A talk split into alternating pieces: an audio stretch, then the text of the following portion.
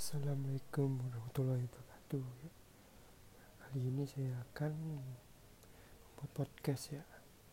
Ya kali ini saya akan menceritakan suatu, suatu kasus ya. Suatu hari di SMK jurusan bisnis dan marketing terdapat satu peserta didik di kelas yang ajar mengalami keunikan karakteristik. Dia terlihat tidak fokus kalau di kelas cenderung tidak mau memperhatikan jika kalian sedang mengajar. Kategori nakal, tetapi tidak nakal, ya macam-macam intinya tidak memberikan perhatian penuh saat kalian mengajar. Sementara itu, hasil belajar yang dia tunjukkan berbalik terhadap apa yang menjadi karakternya. Setiap ujian atau ulangan, dia selalu menduduki posisi lima besar di kelas dan itu membuat kalian heran. Kalian heran di kelas terlihat seperti tidak memperhatikan, tetapi setiap ada tes dia mampu menyelesaikannya. Ya, dalam kasus ini apa yang harus kalian lakukan? Menurut Gagne 9S Event ada 9 langkah untuk menarik perhatian peserta sidik. Coba kalian uraikannya. Yang pertama itu adalah ada gain attention untuk dapatkan perhatian. Sebelum mulai penyampaian materi, sebaiknya kita melakukan aktivitas yang dapat menarik perhatian pelajar. Harapannya, pelajar lebih semangat, termotivasi untuk mempelajari materi yang, yang akan diberikan.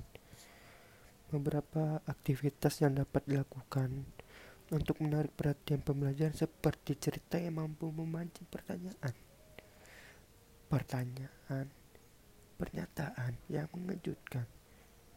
Kedua adalah informulator of, of objective atau memberitahu tujuan pembelajaran. Memberikan penjelasan mengenai tujuan pembelajaran yang akan dicapai tidak hanya itu. Pastikan pembelajaran paham kenapa mereka harus mempelajari materi tersebut dan ikut aktif berpartisipasi dalam proses pembelajaran. Berhal hal yang harus disampaikan di antaranya performa yang dibutuhkan kriteria performa yang harus dicapai.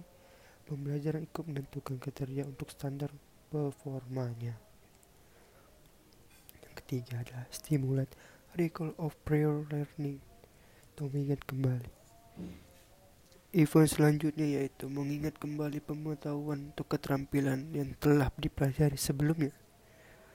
Hal tersebut dilakukan agar pengetahuan atau keterampilan tersebut terus diingatkan dan masuk ke memori jangka panjang.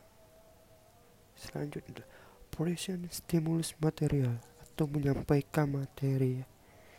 Dalam menyampaikan materi, Sebaiknya digunakan strategi agar pembelajaran menjadi efektif dan efisien.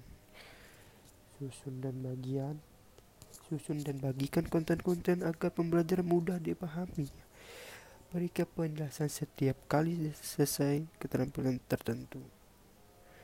Hal yang lain yang perlu diperhatikan adalah saat menyusun, susunlah tersebut sesuai dengan tujuan pembelajaran misalnya konten satu untuk mencapai tujuan pembelajaran satu dan seterusnya. Hal tersebut dilakukan agar pembelajaran fokus untuk menguasai pengetahuan dan keterampilan tertentu sebelum lanjut ke tujuan pembelajaran selanjutnya.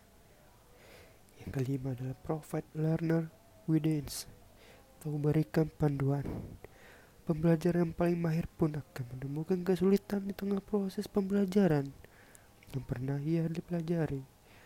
Oleh karena itu, bantuan dari tutor atau guru sangatlah perlu diperlukan agar tidak ada kesalahpahaman mereka dalam belajar dan pembelajaran tertentu termotivasi.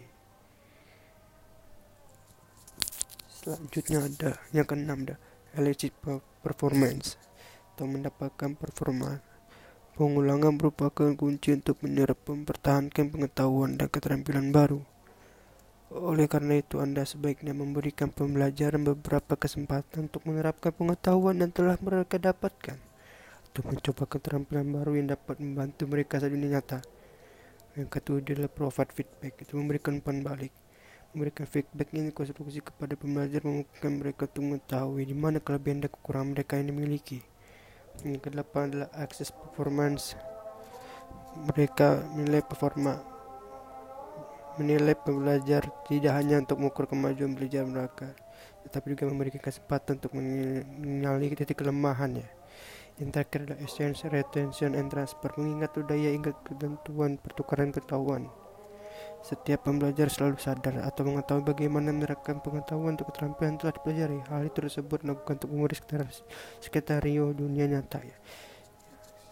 Terima kasih. Sekian dari saya ya. Terima kasih.